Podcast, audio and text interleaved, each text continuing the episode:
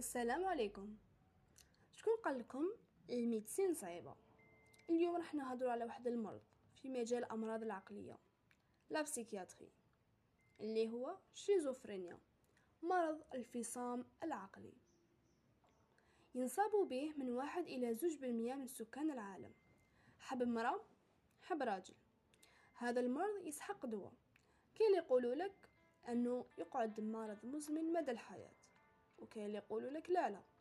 إذا اكتشفنا على البكري راح نتخلصوا منه. هذا المرض ينقسم لحالتين.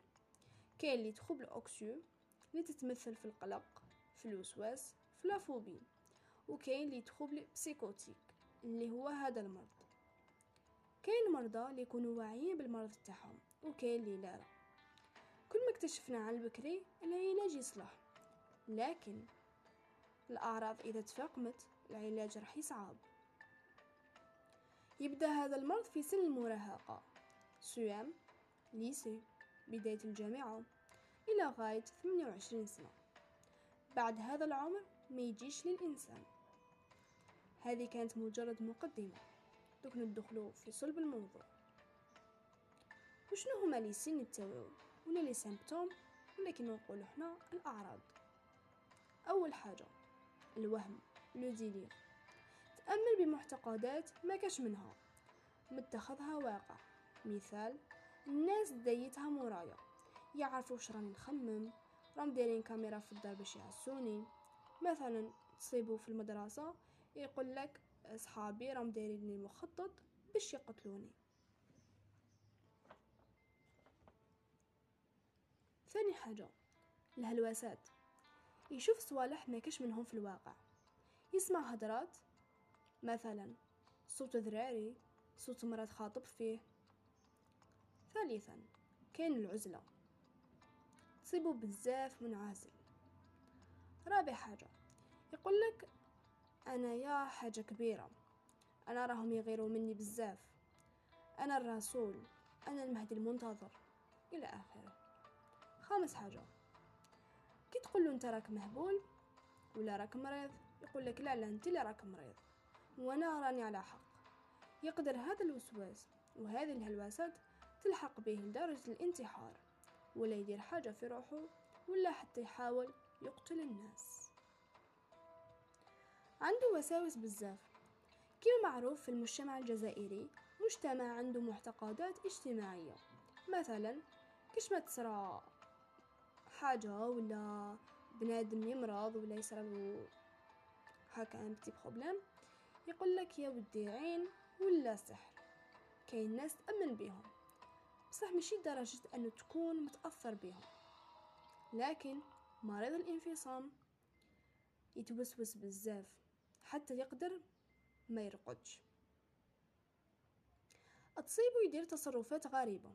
مثلا يطلع عينيه في السما كيكون يمشي يدور موراه. يلبس حاجة تاع في الصيف. عنده منطق تاعو الخاص به وينطق بكلمات ما كاش كاع منهم. حنايا في مرحلة العلاج نعطيوه الدواء. ومن بعد كنديروا له لا بسيكوثيرابي اللي هي المعالجة النفسية. يفهموا كاع واش صرالو كي يبدا يفطن ويعي بهذا الشيء نقدروا ناخذ قرار خرجوه من المستشفى. دوكا نتعرفوا على لي غيزون.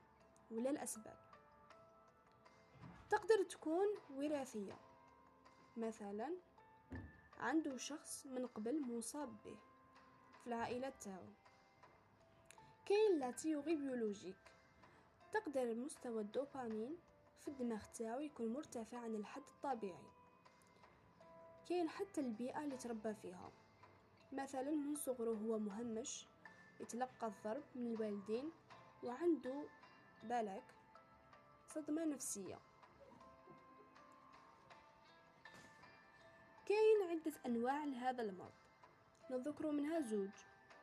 كاين فصام المطاردة. يتوهم باللي الناس راه يطارد فيه وبلي راهم يجروا موراه.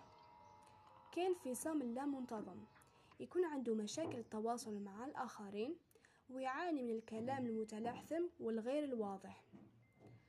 وشنو هو العلاج اللي نقدر نقدموه لهذا الشخص؟ كاين الأدوية. كاين ناس ما تنفعش فيهم. نقدروا نديروا لهم العلاج بالصدمات الكهربائية.